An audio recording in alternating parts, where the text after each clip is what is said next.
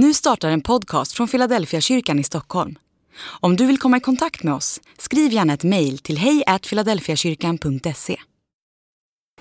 Vid fyra tillfällen så ska jag nu prata om lovsång och tillbedjan. Och kanske framför allt om lovsång. Det är någonting med sången och musiken och lovsången i kyrkans värld som emellanåt bara rör upp lite olika känslor och tankar i människor. Ehm, och jag vill bara säga någonting om lovsång. Jag ser det lite som att vi Tänk att du har en, en boll framför dig eller en kub som är lite mångfacetterad och så ska vi vrida på den och sätta fyra olika vinklar på detta och jag vill prata om lovsång utifrån fyra olika perspektiv. Det kommer inte vara heltäckande men det kommer ge dig en del liksom insikter hoppas jag kring vad lovsången betyder, vad den kan få ha för funktion i ditt liv. Eh, du som har zoomat in på detta nu och som inte är van vid kyrka, inte van vid kristen tro. Eh, mycket av detta kommer utgå från Bibeln och vad den säger till oss. Och det här resonemanget utgår ungefär som att, från att Bibeln är som en instruktionsbok. Tänk att du har en bil hemma. Och så läser du en instruktionsbok och så står det att du ska tanka den med diesel då tankar man den med diesel. Du bestämmer inte en dag för att nej, men jag känner för att tanka den med bensin istället eller testa att proppa ner lite etanol. Nej, du vill tanka den med diesel för att annars kommer bilen inte fungera. Så tänker vi kristna kring detta med Bibeln, att Bibeln är ett rättesnöre för oss. Men även om du inte är kristen så tror jag att en del av de sakerna som jag säger kommer kunna ha en viss betydelse för dig. Så, så väster dina öron så kanske du kan få upptäcka några saker som du kan ha glädje av i ditt liv när det gäller detta med lovsång och tillbedjan. Den här första tillfället så vill jag tala om det faktum att lovsång är en sån självklar del utav Bibeln, utav Guds ord. Ibland får jag frågan, måste man sjunga lovsånger? Kan vi inte bara tänka en god tanke eller bara säga det? Eller liksom bara ha det i våra hjärtan? Eh, och det är som Bibeln inte riktigt svarar på den frågan. Bibeln verkar ha som en röd tråd genom hela sin berättelse att lovsången är en självklar del utav berättelsen som berättas och utav det kristna livet som levs. Och jag tror någonstans kan du nog ana det, även om du inte tror på Bibeln i vårt samhälle idag. Hur kommer det sig liksom att varje gång som vi har en högtidstillfälle i, vår, i våra liv, någon ska gifta sig, eh, någon ska begravas, vi ska ha en rolig fest, Eh, för den delen, du kommer in på ett köpcentrum. Det snurrar ständigt musik. Vad beror det på? Ja, men jag tror det beror på att Gud har skapat musiken som en sån integrerad del av det mänskliga livet. Och eftersom vi skapade till hans avbild så finns det där i oss. Så sången och musiken, du kan redan ana det, oavsett om de tror på Gud eller inte, att den har en viktig del av mänskligt liv. Och när vi tittar in i Bibeln så ser vi att det löper som en röd tråd genom Bibeln att sången och musiken och lovsången till Gud är ständigt närvarande.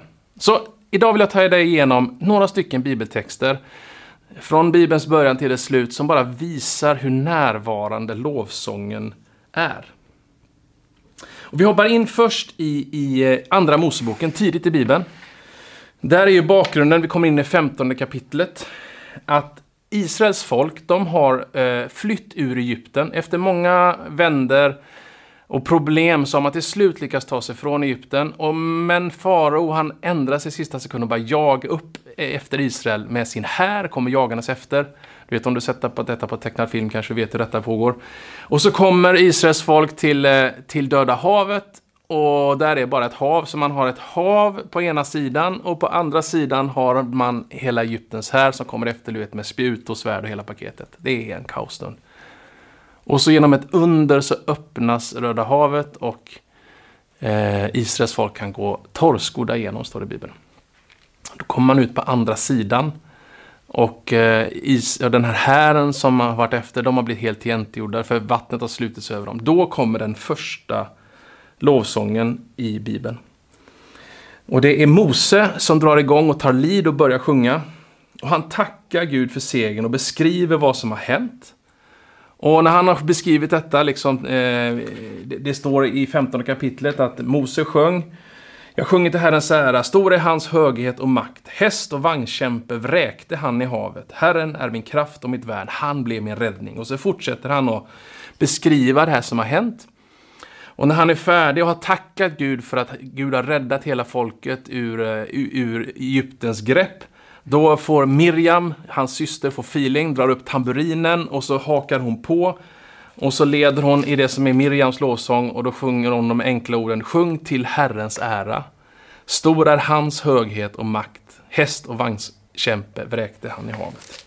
Där har du den första lovsången som är nedskriven i Bibeln.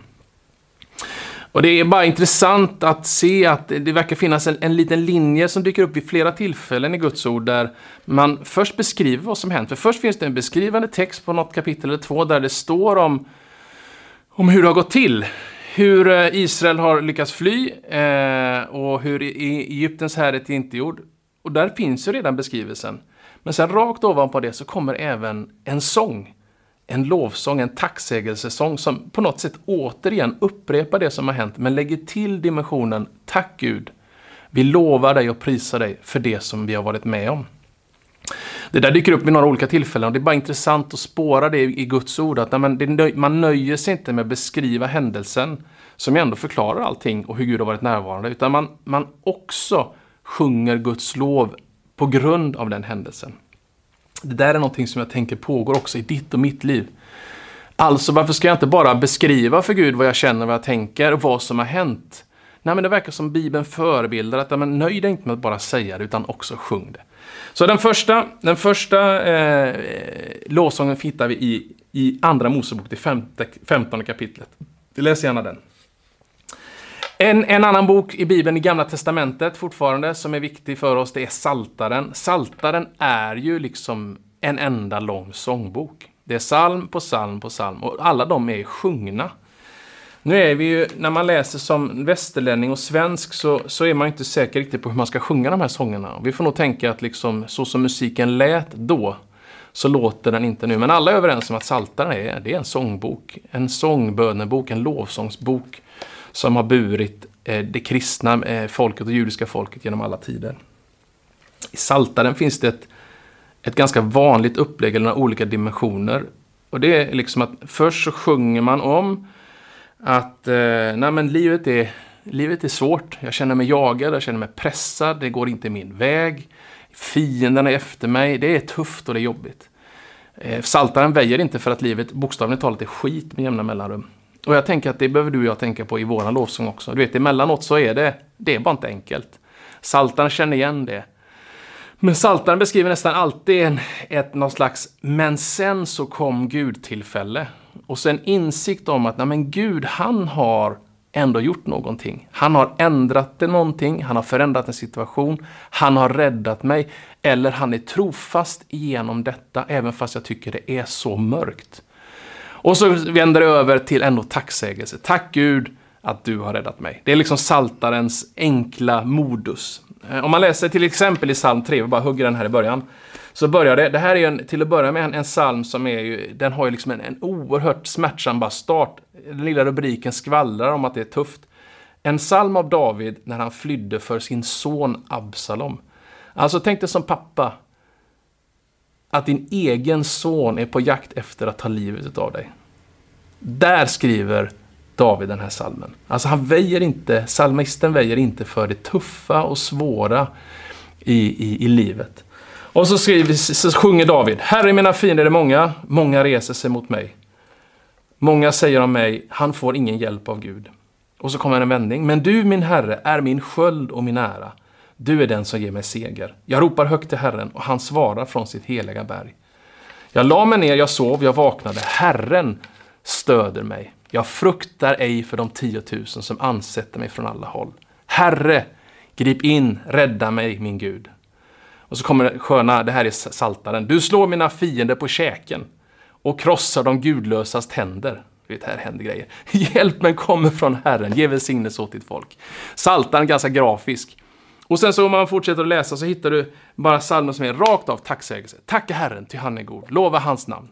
Så den där modusen finns i Saltaren. Det går en linje mellan den första lovsången i eh, Moseböckerna eh, in i Saltaren där, där, där vi beskrivs hur man kan lova Gud i alla livslägen. Låt mig fortsätta in i Nya Testamentet, in i, eh, i, i Lukas. Det jag håller på med nu är bara konstatera att varför ska man lovsjunga Gud? Ja, men därför att lovsången i det bibliska materialet, det som är liksom vårt rättesnöre och vår förebild, där vi försöker hämta upp som kristna våra liv, kan vi bara konstatera att lovsången är ständigt närvarande. Låt oss titta in i, eh, i Lukas, i det andra, första och andra kapitlet. Det här är ju när Jesus föds. Alltså vad är epicentrum för kristen tro? Ja men det är ju det faktum att Gud blir människa. Fullständig Gud och fullständig människa. Och så går han här på jorden. Och så dör han och återuppstår för våran skull. När Jesus, när himlen landar på något sätt på jorden. Ja men då gör den ju det faktiskt till lovsång. Det börjar med att eh, Maria, Jesu mor, hon eh, får ju möta ängeln Gabriel som berättar att ja, men du ska få bära Guds son. Du ska, bli, du ska bli mamma till Jesus, du ska bli mamma till Guds son. Himlen på något sätt ska transporteras genom dig ner till den här jorden. Och så träffar hon sin, eh, sin eh, kusin eh, Elisabet. Eh, och när hon gör det så brister Maria ut i en lovsång. Och hon, och hon sjunger Prisa Herrens storhet. Min ande jublar över Gud, min frälsare. Han har vänt sin blick till sin ringa tjänarinna. Och från denna stund ska alla släkten prisa mig salig. Stora ting låter den mäktige ske med mig. Hans namn är heligt och hans förbarmande med dem som fruktar honom varar från släkte till släkte. Han gör mäktiga verk med sin arm och skingrar dem som har övermodiga planer. Han störtar härskar från deras troner och upphöjer de ringa. Hungriga mättar han med sina gåvor och rika skickar han tomhänta bort. Han tar sig an sin tjänare Israel och håller sitt löfte till våra fäder att förbarma sig över Abraham och hans barn till evig tid. Marias lovsång bara tar tag i det faktum att det är otroligt att jag ska få vara, jag ska få vara med om att bära himlen till jorden. Och när det har hänt och hon har fått sjunga ut det så studsar det ut mot det faktum att Gud är stor och mäktig och att hans löften håller. Det som han har lovat Israels folk, det kommer han att fullborda. Så hennes, hon brister ut i den här lovsången eh, som en konsekvens av den glädje hon känner över att, över att hon ska få föda Jesus Kristus. En annan person involverad kring Jesu födelse, det är en man som heter Sakarias. Han är ju gift med Elisabet och de får ju tillsammans ett barn som heter Johannes, som är Johannes döparen. Johannes döparen är den som banar väg eller öppnar upp mark för Jesus Kristus eh, när han sen går in i tjänst. Och Sakarias, han, han tror inte att det är sant att, eh, att, eh, att han ska få en son. Eh, och de, han, blir, han blir stum. Sån här märklig berättelse i Bibeln. Att Sakarias blir stum och kan inte prata. Så han ska få en son och så kan han inte haspla ur sig vad ungen ska heta. Och då blir han stum och kan inte prata. Och så går det massa tid. Och så till slut så lyckas han haspla ur sig på någon slags skrifthållare. Men han ska heta Johannes. Eh, och han ska bana väg för Jesus. Och när samma sekund han har gjort det, då öppnas hans mun. Och då, då det första han gör är att han brister ut i en lovsång. Detta kringgärdar Jesu födelse. Så Sakarias brister ut och, och, och sjunger Välsignade Herren Israels Gud som besöker sitt folk och ger det frihet. Och så brister han ut i en lovsång om att nu är frälsningen här. Tänk att eh, genom Jesus så kommer frälsningen komma till oss. Och så lovsjunger han Gud. Det händer där igen. Sen föds Jesus.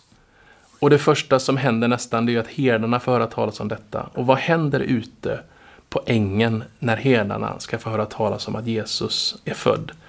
Världens frälsare. Ja, dels bara den parentesen att när, när Jesus kommer till jorden, när himlen landar, då är det inte bland de rika och de mäktiga som budskapet går ut, utan då är det bland de fattiga, de som ingen ser till, herdarna som står längst ner på skalan. Där berättar Gud att nu är räddningen här, nu är frälsningen här. Det är de första som får höra. Och då står det att det är en, en änglaskara. Någon slags eh, liksom, tusen åter tusen änglar. Det här är svårt att se framför sig. Som uppenbarar sig för de här herdarna. Och så säger de att idag är en frälsare född i Davids stad. Och så sjunger de. Ära i höjden åt Gud och på jorden fred åt dem han har utvalt. En lovsång som går i två riktningar. Ära Gud, lova honom och frid på jorden. Alltså det finns en koppling mellan lovsången att ära och tillbe Gud och att det kommer frid till jorden. Den fjärde sången som dyker upp kring Jesus, det är Simeons lovsång. Simeon, en gammal, gammal man som finns i templet och när man kommer med Jesus för att omskära honom, en rit som gör tidigt, eh, judarna gör tidigt med sina söner. Då får Simeon se Jesus och så brister han ut i lovsång. Och så säger han, en gammal man. Nu låter du din tjänare gå hem med frid som du har lovat. Han sjunger. Till mina ögon, till mina ögon har skådat frälsningen, inte vet jag hur det lät, som du berättar åt alla folk, ett ljus med uppenbarelse åt hedningarna. Alltså mina ögon har fått sett Herren. De har skådat honom. Nu, nu kan jag på något sätt vila i frid. Och så sjunger han ut de där orden. Ja, men det finns någonting i de här fyra berättelserna. Alltså Jesu födelse, epicentrum för vår tro, det kringgärdas utav lovsången och lovprisningen till Gud. Det går som en tråd genom Bibeln. Det händer någonting och så lovsjunger man Gud för det. Jesus sjöng lovsång. Eh, Nya Testamentet har inte jättemånga exempel på lovsång på samma sätt som Gamla Testamentet som ju beskriver instrument och hur man gjorde och alla de här sakerna. Men i Jesus kan vi konstatera att han sjöng en lovsång. Det finns liksom gömt i nästan i Matteus 26 och 30. Då har man ju precis eh, firat den första nattvarden utan jag tror att lärjungarna helt och hållet har förstått vad som har hänt. Eh, och man firar ju påskmåltiden. Judarna gör det fortfarande kring påsk för att fira uttåget ur Egypten. Det vi pratade om för en stund sedan där Mose och Miriam sjöng lovsången för att fira det faktumet. Men här instiftar Jesus ett, ett, en ny dimension av detta där han säger att det här är min kropp, det här är mitt blod. Varje gång som ni äter det här så gör det till minne av mig. Och så står det, eh, när de hade sjungit lovsången, säger det By the Way, så gick de ut till Olivberget. Och för mig som svensk så tänker jag, vad sjöng de? Man kanske sjöng så här, ropa till Gud över hela vår jord, eller inte vet jag, o store Gud. Nej, ja, de sångerna fanns ju inte. Men det man vet är att judarna sjöng vid påsken alltid psalm 115 till 118 i det här, i det här läget. Så Jesus han sjöng i psalm 115 till 118. Det, det är några psalmer som beskriver Guds egenskaper. Den beskriver oron i livet. Men de beskriver att förtröstan på Gud kommer att hjälpa dig. De är en bön av välsignelse och, och deklarerar Guds trofasthet och är fyllda av tacksamhet och ändå en bön om hjälp. Och så är de sista orden i den 118 salmen är Tacka Herren, ty han är god, evigt varar hans nåd.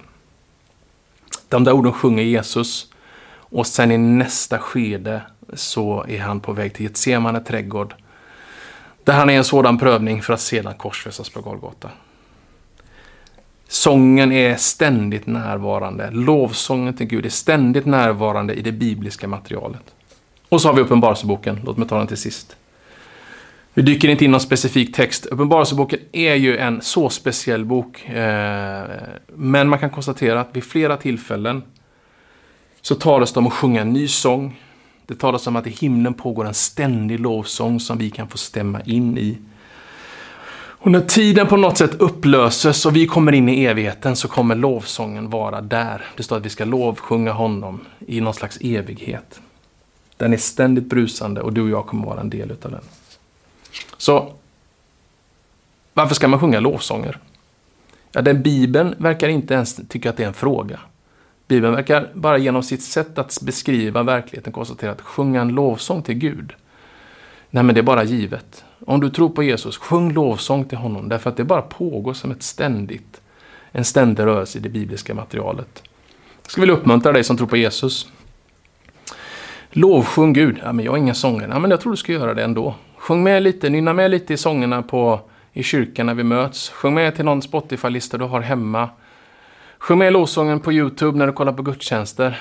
Det verkar finnas någonting med lovsången som bara Bibeln förutsätter som en, som en levande del av den kristna berättelsen och det kristna livet.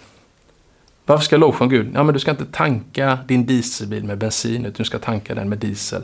Så du ska lovsjunga Gud. Bibeln, vårt rättesnöre. Guds eget ord och berättelsen, den verkar förutsätta att vi lovsjunger Gud. Och jag vill uppmuntra dig att göra det, du också.